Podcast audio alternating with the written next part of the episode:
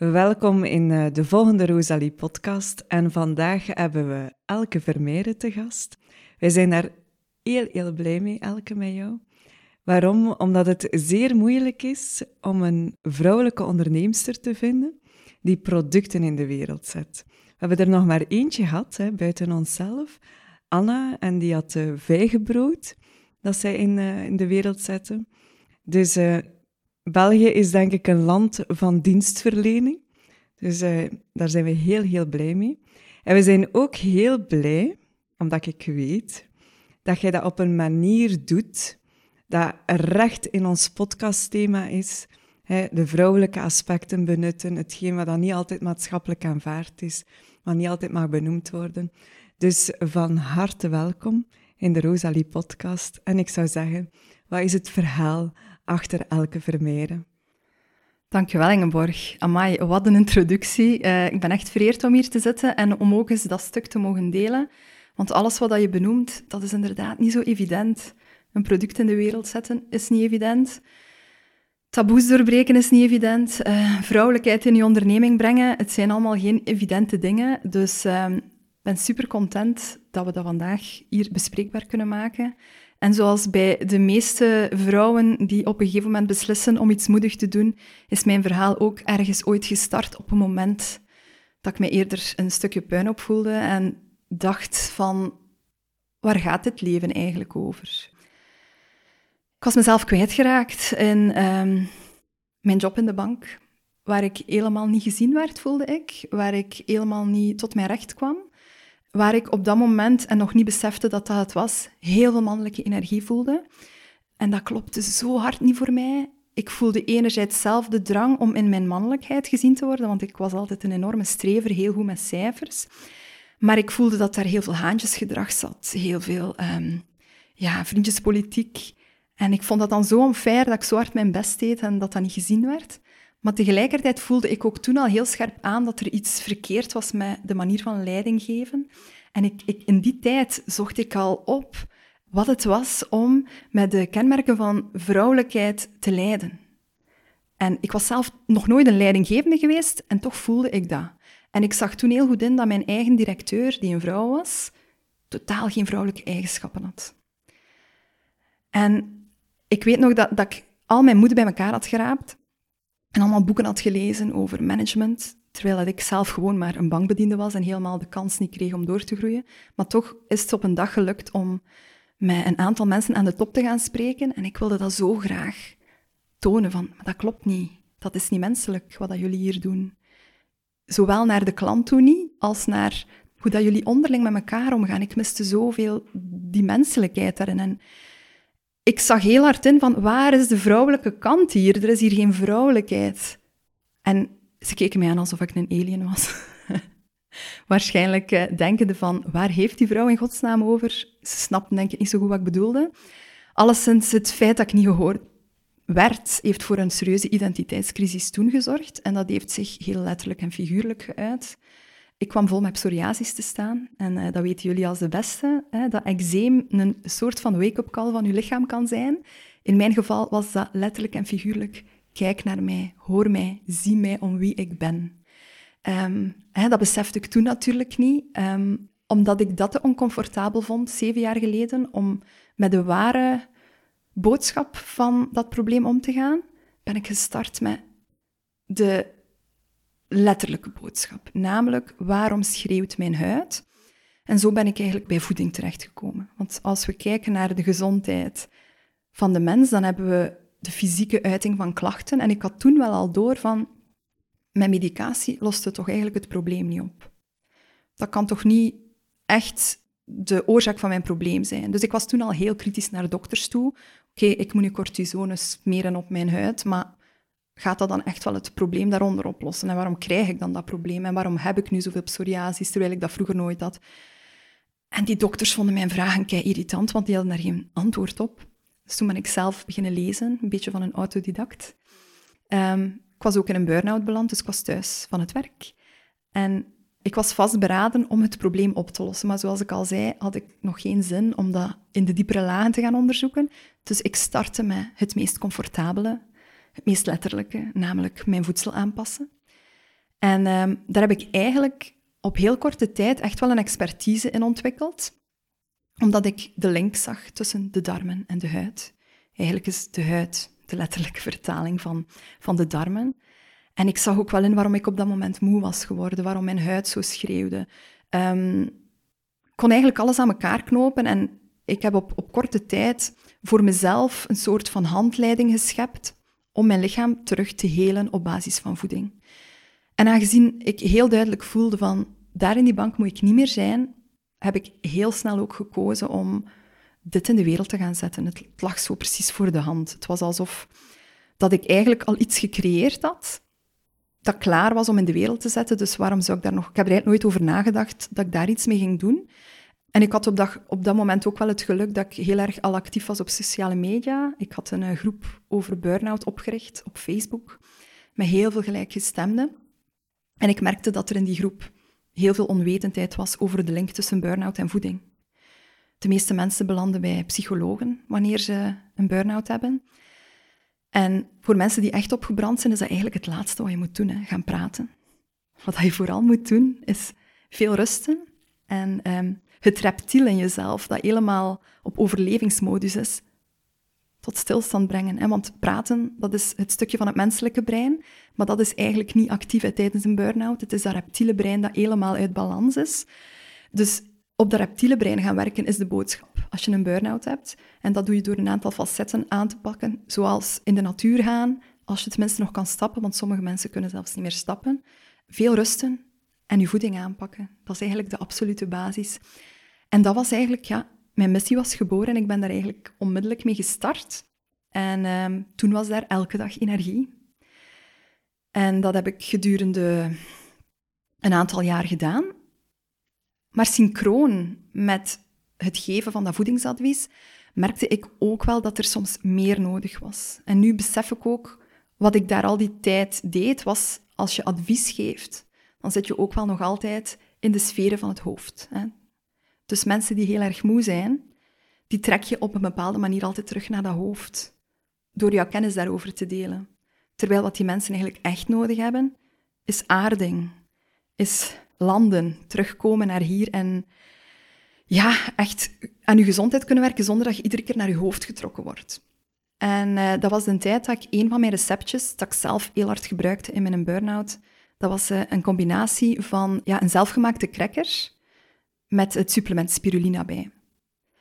Ik had namelijk ja, gevonden in de lectuur dat spirulina een heel goed supplement is als je moe bent, dat je dat volledig op krachten brengt, dat dat je bijnieren terug sterk maakt. Dat wordt ook door sporters gebruikt om te herstellen. Ja, gewoon een echt superfood. Maar ik en pilletjes slikken, dat gaat niet zo goed. Ik haat het eigenlijk om supplementen te nemen. Um, ik vergeet dat ook altijd. Ik heb daar de discipline niet voor. En tegelijkertijd wist ik ook, omdat ik zoveel problemen met mijn darmen had, bleek dat ik best geen gluten zou eten. Dus mijn moeder, die wel heel graag kookt en bakt, had crackers ontwikkeld. Um, voor mij met dan heel veel vezels in, die ik dan at. En ik had gewoon zoiets van, ik ga daar spirulina bij doen, want anders vergeet ik die toch. En spirulina mag je verhitten tot een bepaalde temperatuur. Dus op die manier had ik gewoon heel simpel mijn eigen broodvervanger. En in eerste instantie dacht ik dan, oké, als ik mensen dat allemaal leer, dan kunnen zij op zijn minst ook dat succesformule gaan gebruiken, want het moeilijkste vinden mensen hun brood vervangen. We zijn allemaal broodeters. En het, het eerste waar mensen tegen botsen is, ja, maar ik wil nog altijd mijn boterham kunnen eten. Ja, maar die een boterham zorgt er nu eenmaal voor dat je verder uitgeput geraakt. Dus het is toch wel beter dat je iets anders zoekt. En zo is het idee eigenlijk stilletjes beginnen groeien, om dan ja, het product dat ik eigenlijk de basis vond van mijn programma's, om dat te gaan aanreiken aan al die vermoeide mensen. Die waren eigenlijk op dat moment ook vaak te moe om zelf al die ingrediënten bij elkaar te sprokkelen. Want het waren soms wel moeilijk verkrijgbare ingrediënten die ik daar samenbreng, omdat net die ingrediënten zo belangrijk zijn om je darmwand te herstellen. En ik heb heel lang gezocht naar uh, een bakkerij om die krakkers te maken. Zelfs tot in het buitenland. Ik ben uiteindelijk tot in Tsjechië zelfs gegaan om een bakkerij te zoeken. Ik heb dat niet gevonden. Maar ik, ik ben dan ook iemand die zo enthousiast is dat ik dat dan al begin uit te spreken, dat ik daarmee bezig ben. En dan het idee krijg van, ja, nu kan ik niet meer terug. Dus na een jaar zoeken had ik zoiets van, weet ik, ga het gewoon zelf doen. Natuurlijk, ja, dat was nooit mijn bedoeling om een bakkerij te beginnen, maar ineens stond ik daar wel krakkers te bakken in mijn keuken. En ik had nooit verwacht dat dat zo'n succes ging zijn. Dus binnen de maand was dat al veel te klein. Mijn, mijn gewone keuken met twee ovens in was veel te klein geworden. Dus mijn man heeft dan de, de veranda helemaal omgebouwd tot een, uh, ja, een industriële bakkerij. En vanaf dat moment ja, had ik dus Bite Boost naast mijn bedrijf Elke Dag Energie. Dus in het ene gaf ik het voedingsadvies, in het andere verkocht ik dan de spirulina-krakkers. Uh, maar na een jaar begon ik ook wel te voelen van, dat is helemaal mijn missie niet en ik bereik mijn potentieel niet. Want uh, ik kon maar een aantal ja, krakkers bakken in de maand. En die abonnementen waren gewoon constant uitverkocht. Ik zat met een wachtlijst ook, dus ik kon nooit de ganse markt bedienen. En dat was natuurlijk een heel vervelend gevoel. Ik ben ook wel echt een ondernemer die mijn potentieel er wil uithalen. En dan dacht ik van, hoe, hoe een zonde is dat? Ik heb eigenlijk nog nooit gevoeld wat het echte potentieel van dit product is. Want ik moet tegen iedereen zeggen, nee, het is volzet. En eigenlijk op dat punt begon eigenlijk ook wel al de spiritualiteit zo'n beetje mee te werken met mij. Want ik zat zo in de knoop tussen het praktische ondernemen en dan ook de vraag van, is dat echt wel mijn bedoeling? Moet ik dit nu doen? En ben ik ook wel heel veel signalen beginnen vragen op dat moment aan, ja, hoe noemen we het? Noem het gidsen, noem het uh, de bron. Ik weet het niet, maar ik heb altijd wel heel erg het gevoel gehad de voorbije jaren dat ik ergens geleid word op een bepaalde manier. En um, ik kreeg ook altijd antwoorden. Ik kreeg antwoorden op mijn vragen als ik een teken vroeg. En het eerstvolgende wat gebeurde was dat ik tegen mijn moeder zei, want mijn moeder heeft eigenlijk heel veel geholpen. Het was voor haar enorm zwaar werken, want zij combineerde dat met haar voltijdse job in de horeca, kwam ze bij mij nog bakken. En ik zag ook dat mijn moeder daaraan onderdoor ging en ik had zoiets van, dat kan niet de bedoeling zijn. Dus um, ik, ik, sprak naar haar, naar haar, uit, van, we moeten iets anders vinden, want ik zie het niet meer zitten om dit te doen. En um, we zijn naar de winkel geweest en we zagen daar allemaal bakmixen staan. En ik wist onmiddellijk, ja, dat is het. Wij gaan bakmixen doen. Dan kan ik oneindig opschalen, kunnen we veel meer mensen helpen en dan moet ik het niet meer doen. En um, ja, dan ben ik daarmee aan de slag gegaan. Dan heb ik eigenlijk mijn bedrijven, mijn eenmanszaken, heb ik achtergelaten. En heb ik eigenlijk elke dag energie en bite and boost gerebrand naar Goodness Lifestyle, waar ik ben gestart met een bakmixenlijn is ook zeker niet over één nacht ijs gegaan. Hè. Dus dat heeft toch ook wel nog negen maanden geduurd, alvorens dat die branding klaar was, alvorens dat ik mijn positionering wist, alvorens dat ik mijn doelgroep had bepaald. Um, maar voor mij was het wel, gaf mij een heel goed gevoel, omdat ik wist van, I'm not meant to be om hele dagen te bakken. Dat is niet mijn missie in dit leven. Ik heb een andere missie. Dat voelde ik toen wel heel sterk. En van zodra dat ik met Goodness begon, kreeg ik gewoon heel veel energie, omdat ik wist van, dit is heel erg juist. En ik had zoveel vertrouwen dat ik meteen een, een kantoor ging zoeken. Ehm, ik heb ook heel snel toen een fabriek gevonden, een Belgische fabrikant die dat kon doen. Het was alsof dat toen wel alles veel vlotter ging. En wanneer dat de dingen vlot gaan, dan weet ik gewoon van, ja, het is juist, ik word geholpen. Het is ook in die tijd dat ik heel veel dubbele getallen begon te zien. En dat is eigenlijk niet meer gestopt. Dat is het moment in mijn leven waarop ik dacht van, dit, kan u toch niet? Dat ik de dag door als ik naar een klok kijk, dat het getal altijd dubbel is. Begon ik dat op te zoeken en zag ik ook wel van oké, je bent in alignment. Wat dat je nu doet, loopt synchroon met hetgeen dat je bestemd bent om te doen, dus daarom word je daarin geleid. Op dat moment wou ik daar ook nog niet veel te ver in gaan, in het zo kijken naar die getallen en zo verder. Maar ik, ik geloofde daar zelf wel heel sterk in. Ik ben al die jaren ook al met spiritualiteit bezig geweest, zo achter de schermen. Dus als mensen voedingsprogramma's bij mij kochten, had ik een community waar ze in belanden. En ik toetste toen altijd zo'n beetje af van, hoeveel staan jullie daarvoor open? En het bleek wel dat, dat ik die doelgroep aansprak die daar ook voor open stond. En daarin durfde ik dat stukje wel tonen.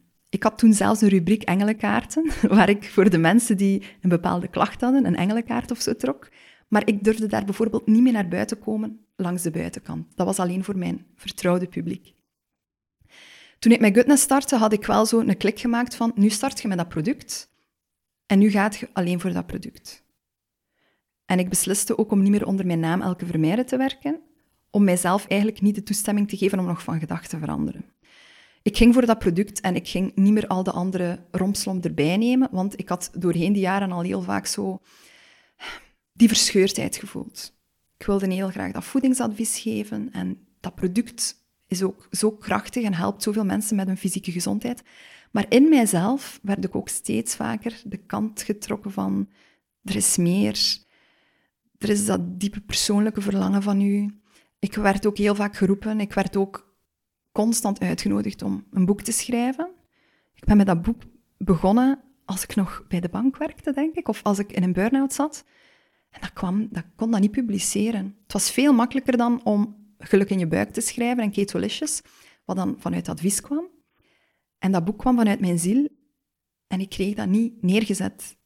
Ik werd altijd weer teruggeslingerd naar nee, dat is niet concreet genoeg, nee, de mensen staan daar niet voor open, dat is niet aan u om dat, om dat te doen, uh, laat dat nu maar los. Dus Goodness was voor mij een start om eigenlijk dat spirituele echt los te laten en te zeggen van kijk, ga niet voor het spirituele, maar ga nu heel concreet voor dat product en voor die voeding. En ja, ik heb me gevraagd, waar komt uw verhaal vandaan? Um, ja, nu ben ik op het punt waarvan dat je zou zeggen, amai, um, die end, heel mooi. Elke Vermeijden heeft een tof bedrijf, Goodness Lifestyle, en daar werken ondertussen mensen bij haar. En uh, dat product doet het heel goed. En uh, ja, dat is in een stroomversnelling gekomen. Ik had dat succes eigenlijk nooit verwacht. En toch bleef ik daar met een leegte zitten in mezelf. En dan dacht ik, ik heb nu eindelijk alles bereikt wat je ooit wou. Je wordt nu eindelijk gezien.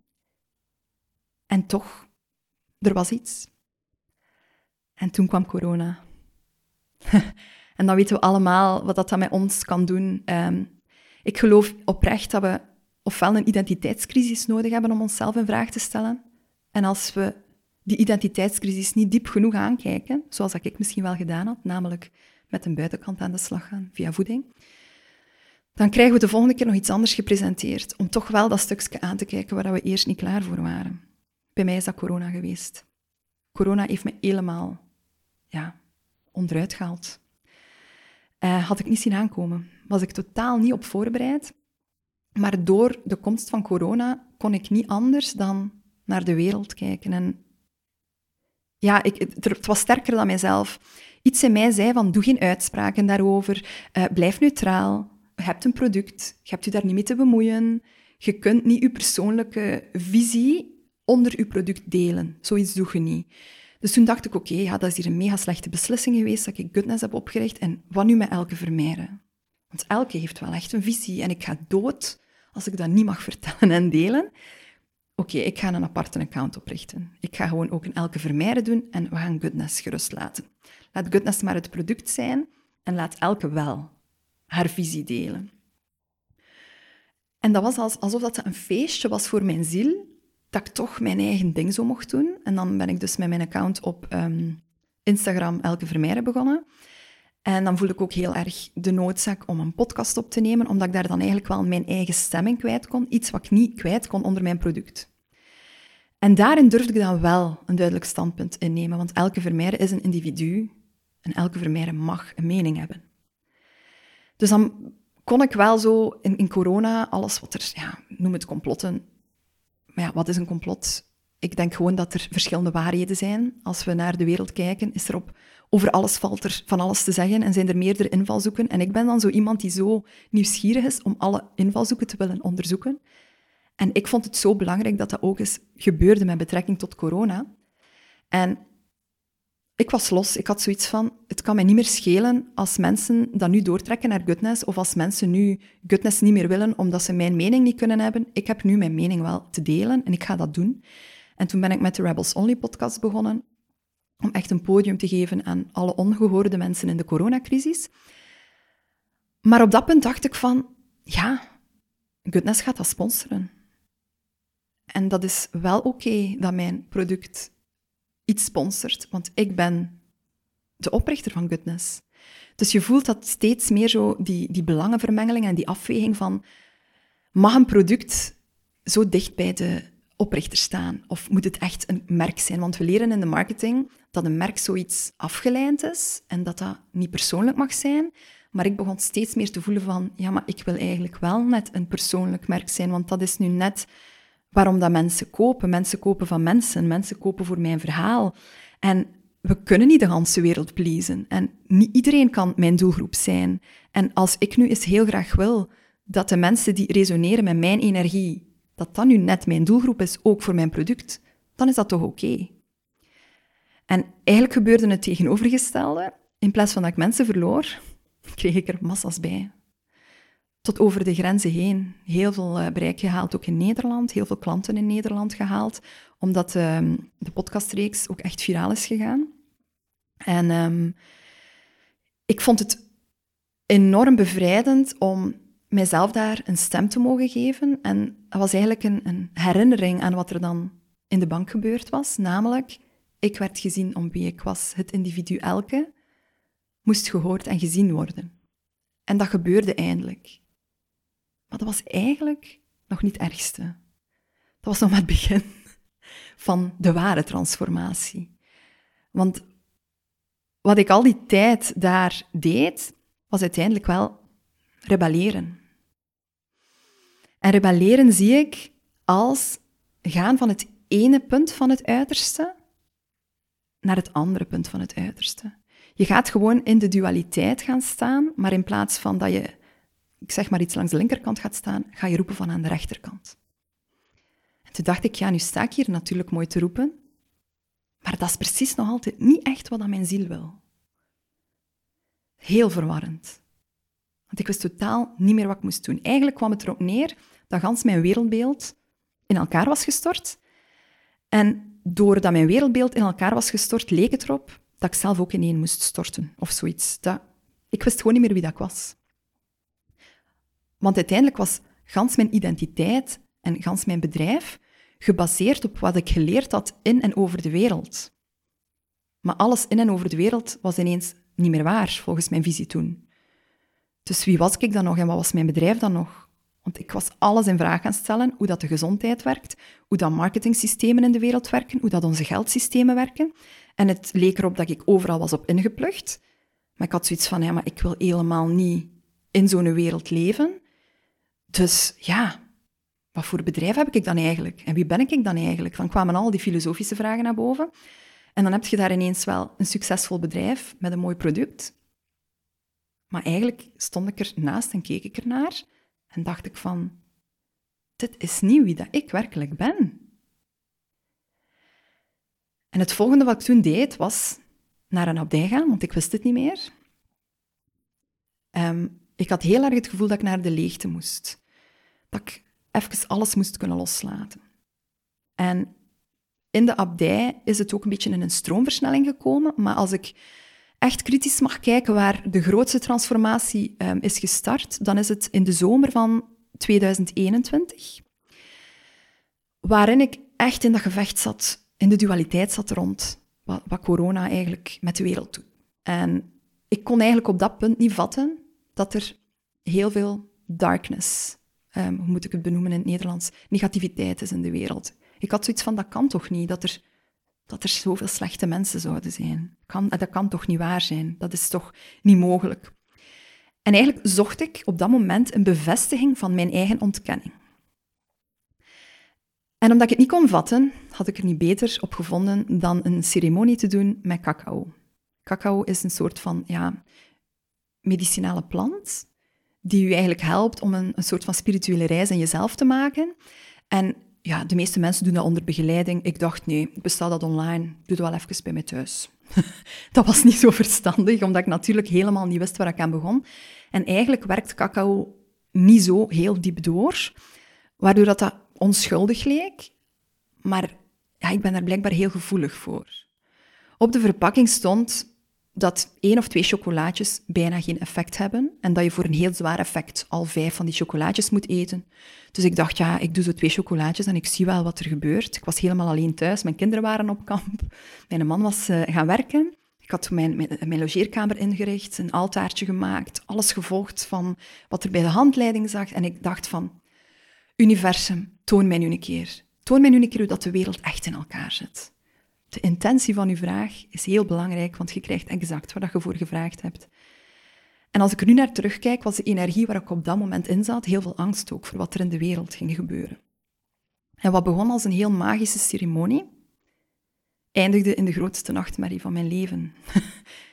Ze spreken soms over een bad trip tijdens zo'n plantenceremonie en ik heb echt een bad trip gehad, maar helemaal op mijn eentje. Um, wat ze wel gedaan hebben, en met ze is ik weet dan niet wie dat, dat is. Iets, iemand. Ik denk dat het een soort van gidsen zijn. Begonnen eigenlijk om mijn derde oog proper te maken, schoon te maken. Er werd eigenlijk ja, een cleaning van mijn derde oog gebeurd. Ik voelde dat ze hier aan het werken waren. Ik werd zo energetisch hier getrokken, alsof dat ze mijn derde oog wilden openmaken om het ongeziene gezien te maken. En nadat dat gebeurd was, werd ik één met de materie. Dan was het alsof dat mijn lichaam geen lichaam meer was, maar dat ik één werd met de structuur van het bed waar ik op lag en met mijn deken. Ik zag bijvoorbeeld al de patronen, alsof ik zelf in mijn deken kroop. Iets. Ja, ik kan het heel moeilijk anders verwoorden, maar ik begrijp nu ook wel dat we spiritueel zijn meer dan ons lichaam. Dus wanneer je naar dat eenheidsveld gaat, dan kan je gewoon één worden met alles. Want wij komen van de eenheid. Vanuit de bron worden wij afgescheiden in lichamen. Dus wanneer dat je dat overstijgt, dat lichamelijke overstijgt, word je weer één met de bron. En dan kun je je vereenzelvigen met alles in de ruimte. Dus dat gebeurde toen met mij. Het was alsof dat ik... Ik was niet meer elke, maar ik was ook het deken. En ik was heel bizar, maar ik kon mij tegelijkertijd ook verplaatsen overal in het universum. Een heel bizarre trip. En toen kwam ik eigenlijk op alle plekken terecht met heel veel donkerte. Heel veel angst, heel veel schaduw. Helemaal niet wat ik verwacht had, want ik wilde niet liever dan dat ik daar het bewijs kreeg dat er niet zoveel slechte energie is. Maar ik kreeg daar gewoon gepresenteerd dat dat, dat nu eenmaal het universum is. Het is yin en yang. Het is licht en donker. We hebben er geen controle over. En die ontkenning waar ik zelf in zat, ja, die kreeg ik daar echt wel gepresenteerd. Dus na die trip, ik ben er heel lang moeten van bekomen. Ik had ook wel heel snel door wat de les daaruit was, namelijk, je hebt geen controle over niets. En ja, er is veel schaduw. Het heeft mij toen nog een jaar gekost om door te hebben dat de schaduw die ik toen zag, die ik toen waarnam, dat dat eigenlijk mijn eigen schaduw ook was. Ik heb het voorbije jaar vooral heel veel schaduwwerk gedaan. Want alles waar ik nood aan had in die coronaperiode, namelijk het rebelleren en mijn boosheid op de wereld, dat waren allemaal stukjes in mijzelf die wilden nagekeken worden. Dat was pure projectie. Het ging helemaal niet om te kiezen voor een links- of een rechtskamp. Het ging helemaal niet over waar situeert mijn mening zich. Wat de les vooral was, was van er is dualiteit in deze wereld. Constant. Ons leven op aarde gaat over de dualiteit. En ik moet niet kiezen. Ik moet alleen maar het leven omarmen zoals het is.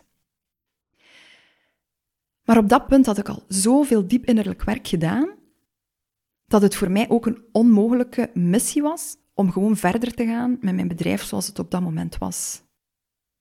Dat kon ik niet meer mijn leven was zelf zoveel dieper gegaan, zoveel lagen dieper, zoveel dimensies dieper, dat ik ook echt dacht van, wat moet ik nu met mijn bedrijf doen? Dan heb je daar een prachtig product, wat dat echt nog altijd heel veel mensen op fysiek niveau helpt, maar dan gaat je zelf door zo'n spirituele groei, dat ik dacht van, ja, wat is nu mijn missie? Dus daarvoor ben ik naar de abdij gegaan, hè, om te vragen, wie ben ik? Wat moet ik doen? En heel bizar, ik ben daar drie dagen geweest en vanaf het eerste uur dat ik daartoe kwam, hoor ik en zag ik alles wat ik moest doen ineens. En ik had mijn tarotdek mee, omdat ik ook wel zoiets had van, ik wil ook wel in die leggingen dingen bevestigd krijgen, omdat we soms heel hard kunnen twijfelen in ons hoofd.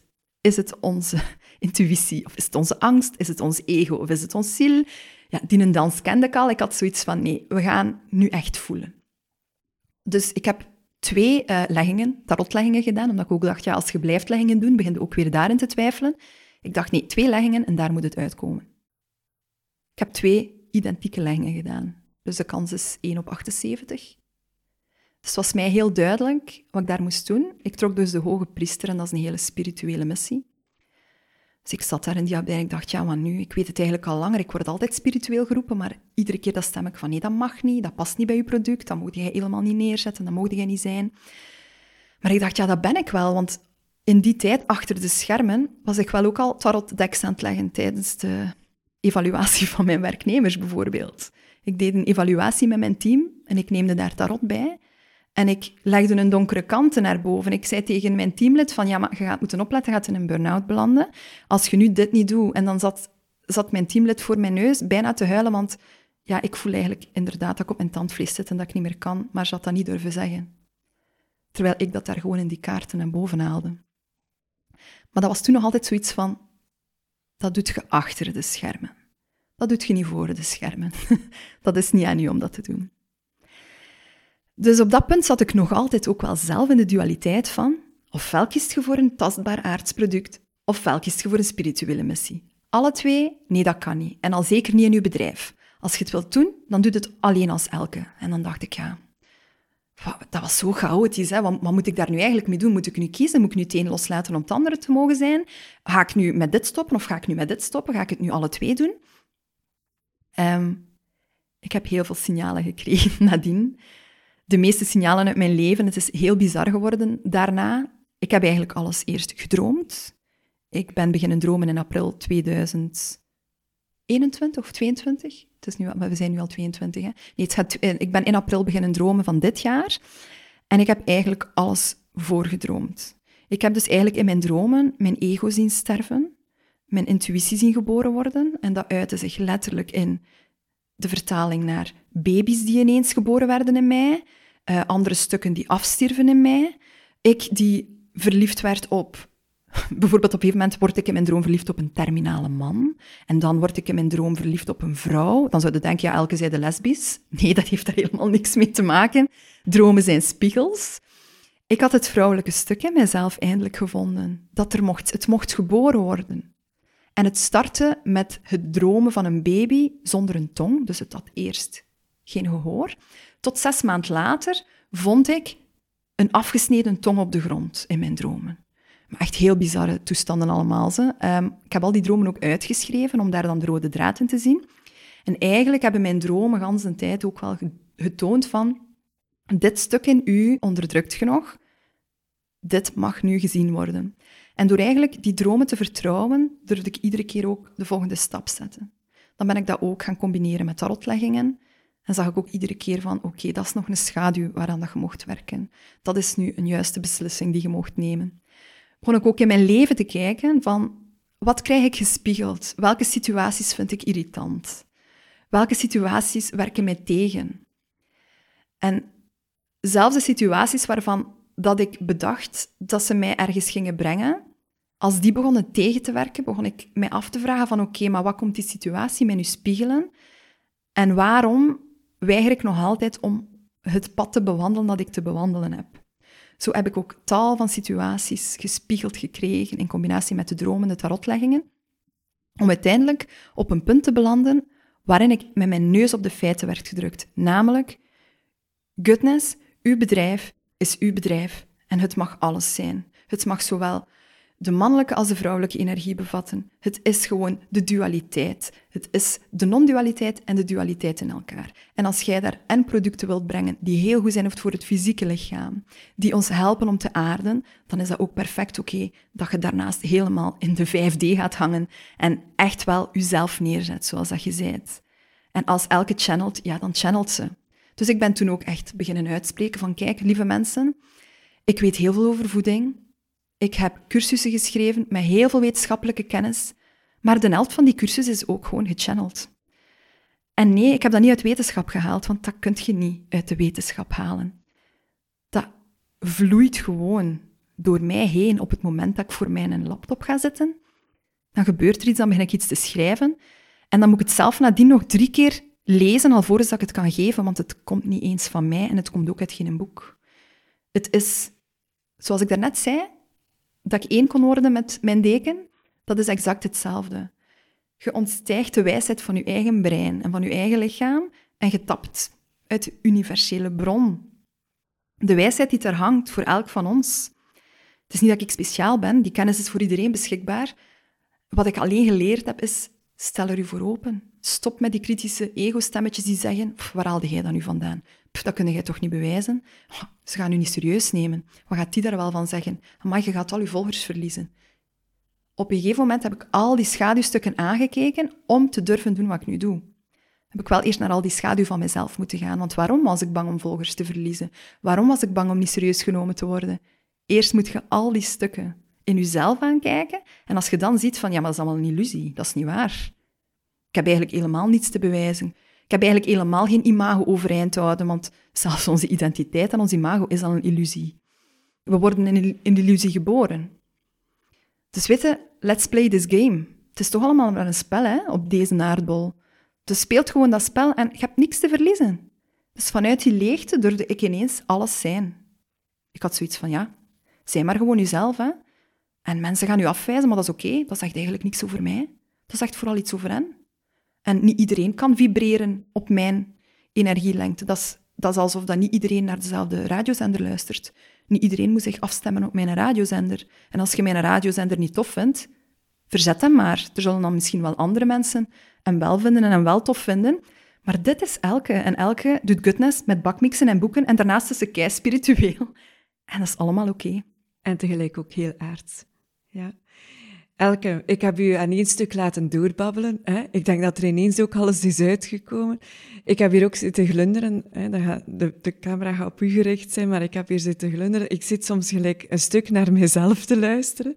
Ik herken ook heel veel. Uh, we hadden in het gesprek vooraf alle wat gelijkenissen aangehaald. Hè komen alle twee uit het ISO, het Instituut Zusters van de Onbevlekt Ontvangenis. En dacht ik, volgens mij is daar ergens gebeurd. um, we hebben op dezelfde school gezeten in Oosterzelen. We hebben een voorgeschiedenis in, het, in de bankwereld. De manier waarop dat je het product, die dualiteit, dat zoekende van kan het, kan het niet, geloofwaardigheid, ik herken het zo het beslissen op signalen, de energie die je voelt vertalen met tarot. Het zijn allemaal uh, dikwijls sociaal niet aanvaard. Hè. En dan denk ik, ja, er loopt er zo nog één rond die het op die manier, uh, op die manier neerzet. Als je nu kijkt, hè, want ik heb in het begin ook gezegd, het is heel moeilijk om zo'n ondernemers te vinden. Die materialiseren. Denkt jij dat dat het toekomst is, dat dat meer zo is? Of zijn wij nu echt de aliens of de uitzonderingen? Ik denk dat dit het begin is van wat we in de toekomst steeds meer gaan zien. Mensen belanden niet massaal in burn-out voor niets. We gaan nog veel meer burn-outs zien. En we zouden kunnen denken dat is het probleem, maar eigenlijk is dat de oplossing. Namelijk, we hebben dat stukje op te branden dat niet werkelijk waar is. We hebben de illusie op te branden, de illusie die we geworden zijn door conditionering, door programmering. En als we die opbranden, dan komen we tot onze essentie. En het is vanuit deze essentie dat we de nieuwe wereldbedrijven maken. En in die nieuwe wereldbedrijven heb je mannelijke en vrouwelijke energie samen. Dat is één. We moeten ook niet kiezen, want het is vanuit de dualiteit dat wij denken dat we te kiezen hebben. Maar het is de kracht van de twee samen. En dat zijn volgens mij de nieuwe wereldbedrijven, waarvan dat we er steeds meer zullen hebben, want er gaan steeds meer mensen het proces doorgaan wat wij alle twee hebben doormaakt. Ja. Het is soms wel eenzaam. Ervaart je dat ook zo? Ja en nee. Ik kan mij voorstellen, omdat ik weet dat jullie op een punt zitten, nog maar pas dat jullie hiermee bezig zijn en het netwerk nu nog niet gevormd hebben, waar dat ik al jaren aan aan het bouwen ben, waardoor dat, dat een andere visie op de realiteit kan geven ik voel nu dat we eigenlijk met heel veel al zijn met deze missie. Ik heb ook een netwerk opgebouwd met Goodness, de Goodness Partners, om net meer mensen te laten durven 5D en 3D met elkaar te verzoenen. Dus ik heb het gevoel dat er heel veel mensen wel zijn die er klaar voor zijn. Maar wat aan mijn ervaring vooral is, want jij komt vanuit de omgekeerde beweging, jij komt uit de bankwereld, het hele concrete, en je verzoent dat nu met het spirituele. Ik zie nu de andere beweging. Ik heb de voorbije jaren echt een heel trouw publiek opgebouwd van een hele missiegedreven ondernemers ook, die ook vaak uh, bewonderen wat ik heb neergezet, omdat zij heel erg al in dat spirituele zitten, maar de andere beweging heel moeilijk vinden. Om het zweverige aards te maken. Dat is voor die mensen vaak een uitdaging. En je zei het in jouw introductie al, de meeste mensen werken dan nog niet eens met tastbare producten diensten zitten sowieso al niet... Allee, die zijn al... Ja, het is meer zweverig om een dienst te verkopen dan om een tastbaar product te verkopen. Dus dat is al een veel grotere uitdaging ook voor hen. omdat ze al niets tastbaar hebben om te verkopen. Dus om dat dan nog een keer zo aards mogelijk te brengen, ja, ik merk dat mensen dat een, uh, een hele grote uitdaging vinden. Zo het huwelijk of de dans tussen 3D en 5D, zoals ik dat graag noem. Dat is voor veel mensen, denk ik, het allermoeilijkste. Kunnen dat concretiseren, de dans, of tastbaarder maken tussen 3D en 5D? Ja, dus de derde dimensie, dat is ja, hier, de aarde, waar wij leven, in de materie, alles wat we zien, alles wat we voelen. Eh, daar horen ook alle systemen bij waar we mee te werken hebben en waar we vaak ook weerstand op krijgen. Zoals ik gehad heb in corona, ik kreeg weerstand op marketingsystemen, op het geldsysteem, op de beslommeringen van de bureaucratie, op de last die erbij komt kijken als ondernemer om je administratie rond te krijgen. Ik vond het op een gegeven moment gewoon veel fijner om even te ontsnappen naar de vijfde dimensie, zoals we het dan noemen. Dat is de dimensie ook van onze dromen trouwens. Dat is daar waar het onstoffelijke is.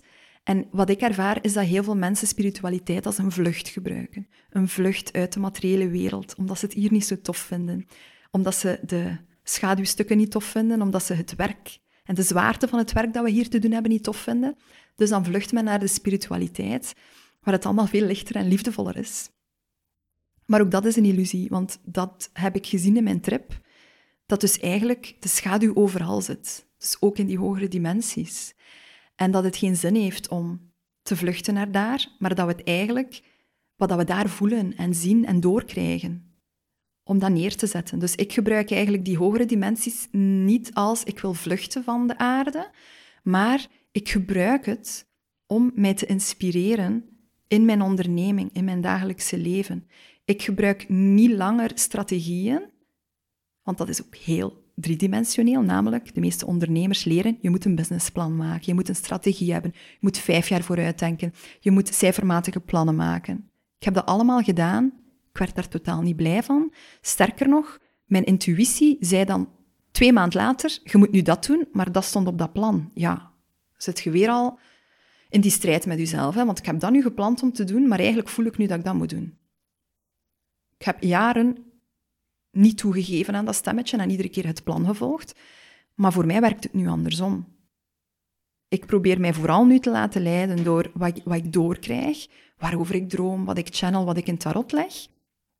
En om dan pas vanuit de derde dimensie in te voelen en hoe gaan we dat concretiseren? En hoe gaan we dat materialiseren? En hoe ga ik nu al mijn ervaring, want ik heb heel veel mannelijke energie gebruikt in mijn traject als ondernemer, dus ik ken veel over marketing, ik ken ook veel over strategieën en over ondernemerschap. Ik had dat allemaal afgewezen, maar nu voel ik van nee, nee, het is ook oké. Het mag er allemaal zijn. Maar nu ga je het gewoon gebruiken om wat dat je nu intentioneel voelt neer te zetten. Je gaat dus eerst de intentie invoelen. En dan pas ja, de concrete methodes die bij de derde dimensie horen gaan gebruiken om dat neer te zetten hier in de wereld. Ik hoop dat ik het een beetje duidelijk heb uitgelegd. Ja, heel duidelijk. Uh, want ik herken het ook heel erg. Uh, wij nemen ook heel dikwijls beslissingen op basis van signalen, die ook niet altijd in het plan staan, die we ook niet altijd kunnen begrijpen. En dan is daar soms de moeilijkheid. Je beslist op basis van signalen. Je begrijpt het zelf nog niet helemaal, dus je moet heel sterk in vertrouwen gaan. En dan moet je nog eens opboksen tegen de buitenwereld, die die beweging niet kunnen zien en alles in vraag stellen, dus die u dan nog eens doen wankelen. Dus het gaat toch wel heel de tijd om heel stevig te blijven staan. Je moet jezelf heel krachtig voelen. Constant moet je invoelen bij jezelf. Wat is mijn waarheid? Hè? Ja. Want dat is ook opnieuw projectie. Als de mensen in je dagelijkse leven, die inderdaad niet voelen wat jij voelt, hun angsten projecteren, dan is het aan ons om te voelen, dat is van hun. Dat is hun stuk. Dat is hun angst. Ik hoef niet mee te gaan in hun angst, want ik heb gevoeld wat ik heb gevoeld. En dat was zuiver. Dus mijn intentie is zuiver. Ik denk dat ook de kunst is, en dat, dat was voor mij vroeger veel moeilijker, dat vertrouwen wat je nu zegt, om eigenlijk het ook echt als een spel te zien dat we hier spelen, en dat eigenlijk falen niet erg is. En als je niets meer te verliezen hebt, dan durf je veel meer jezelf neer te zetten. En dat is eigenlijk de energie waar, waar ik nu op intap. Er was geen compromis meer te maken. Het was deze versie van Elke en deze versie van Goodness, of het was niks meer. En als je dan op zo'n punt zit waarbij dat eigenlijk allemaal kan gestolen worden en dat je zoiets hebt van, ik heb eigenlijk niks meer te verliezen, dan merk je dat er een kracht in je naar boven komt die niet langer bang is om te falen. Want die andere keuze was namelijk dat je toch niks meer ging doen. Dus dan kan ik maar even nu vol op mijzelf neerzetten. En als dat mislukt, zo so be. Anders was het wel niks geweest. Dus ik denk dat het wel belangrijk is om, om bij jezelf te gaan invoelen wat is het ergste wat er kan gebeuren. Wat heb ik te verliezen? En wat we vooral te verliezen hebben in iedere keuze is onszelf. Al de rest is opnieuw een illusie, hè? want we zijn bang om, om eh, financieel dingen te verliezen en om geloofwaardigheid te verliezen en om imago te verliezen. Maar de dag dat je ziet dat dat eigenlijk allemaal een illusie is en dat we vooral onszelf te verliezen hebben, dan is de keuze gemakkelijk gemaakt. Ik heb gekozen om niet meer mijzelf te verliezen. En als ik daarvoor iets van al die andere dingen moet verliezen, so be it. Dan ben ik tenminste niet mijzelf verloren. Heel mooi. Zijn er zo nog secrets, Elke? Je hebt er al heel veel genoemd. Zo nog misschien een laatste, naar het Rosalie-publiek, dat je niet helemaal misschien kent. Ik weet niet of dat ze u kennen. Er zullen er nog wel een paar van de banksector tussen zitten, denk ik. ah ja, voilà. tof. Ehm, eentje dat ik nu veel gebruik en dat ook resoneert bij ehm, de ondernemers die ik soms coach, is You don't have to see the whole stairway to take the first step. Het is een klassieke quote, maar probeer dat een keer heel goed te doorvoelen. Ik voel dat heel veel mensen verlangen om te weten waartoe gaat het mij leiden? Wat wordt het eindpunt? Waar werk ik naartoe? We zijn ook zo opgevoed natuurlijk. Ik lig totaal niet meer wakker van het eindpunt. Ik heb geen eindpunt. Dat, dat interesseert mij ook niet. Ik weet niet waar ik binnen vijf jaar ga zijn.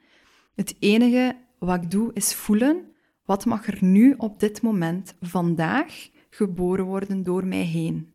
Wat voel ik nu? En die stap ga ik nu zetten. En als je iedere keer al die stapjes dag na dag zet van ik voel, ik voel mijn intentie, is die zuiver, laat ik die geboren worden, dan wandel je vanzelf in flow die een trap op. Hè? En dan ga je vanzelf op een punt komen dat zo magisch is dat je het zelfs op voorhand niet zo had kunnen bedenken. Maar het zijn de mensen die constant het proberen vatten en te bedenken, die geen enkele stap voorwaarts kunnen zetten, want ze zijn volledig in een freeze, omdat ze constant gefocust zijn op dat eindpunt dat ze willen bereiken. Maar daar gaat leven eigenlijk totaal niet over. Het leven gaat vooral over het leven vanuit het hier en nu. En niet verwaarlozen wat we nu voelen, wat we nu willen neerzetten, wie we nu willen zijn. En ik denk als iedereen, vooral iedere ondernemer, dat durft, dan krijgen we een samenleving met prachtige ondernemingen die stuk voor stuk gebaseerd zijn op zuivere missies van zuivere mensen. Omdat het ook een stuk uh, komt van het, van het groter geheel en niet meer van een individu of een ego of enzovoort enzovoort. Dat is het, want wat krijg je als je ondernemingen opbouwt vanuit ego, vanuit hoofd? Dan krijg je trauma en pijn als basis. Dan is het trauma en de pijn die jij wil oplossen, wat je met je onderneming aan het bouwen bent. Namelijk, ik geef een voorbeeld, heel veel coachen en therapeuten doen hele mooie missies, maar handelen ook wel vaak vanuit mijn eigen pijn, dus reddersrol op deze pijn neerzetten. Anderzijds heb je ook mensen die uh, ooit een trauma hebben opgelopen over geld, ik zeg maar iets. Dus dan wordt het trauma van geldtekort hun grootste motivator om zelf een bedrijf neer te zetten om veel geld te verdienen. Ik geef maar random voorbeelden. Maar dat is dus vanuit de pijn dat dat ontstaan is. Mijn uitnodiging is van, doorvoel je pijn, heel je pijn, kijk je shit in de ogen, kijk je schaduwstukken aan, zie in dat het allemaal een illusie is en handel dan vanuit dat hogere stuk, vanuit dat hogere plan en laat het door u geboren worden en dan krijg je liefdevolle bedrijven, bedrijven vanuit pure zuivere intentie. Ja, ik ben het volledig met u eens en ik ben heel blij dat vandaag in het hier en nu deze podcast is mogen ontstaan, want ik heb een vermoeden dat het een heel inspirerende podcast gaat zijn voor heel veel mensen. Ja, ik ben uh, super dankbaar dat ik dit hier mocht delen en ik hoop absoluut ook dat uw publiek ja, er iets aan gehad heeft. Hè? Ja. Dus wederzijds bedankt. Graag gedaan. Ik wil zeker het Rosalie-publiek uh, nog eens bedanken. En als je deze podcast uh, wilt steunen, kan je ook nog altijd gaan kijken naar www.rosalie.be. Dank u wel.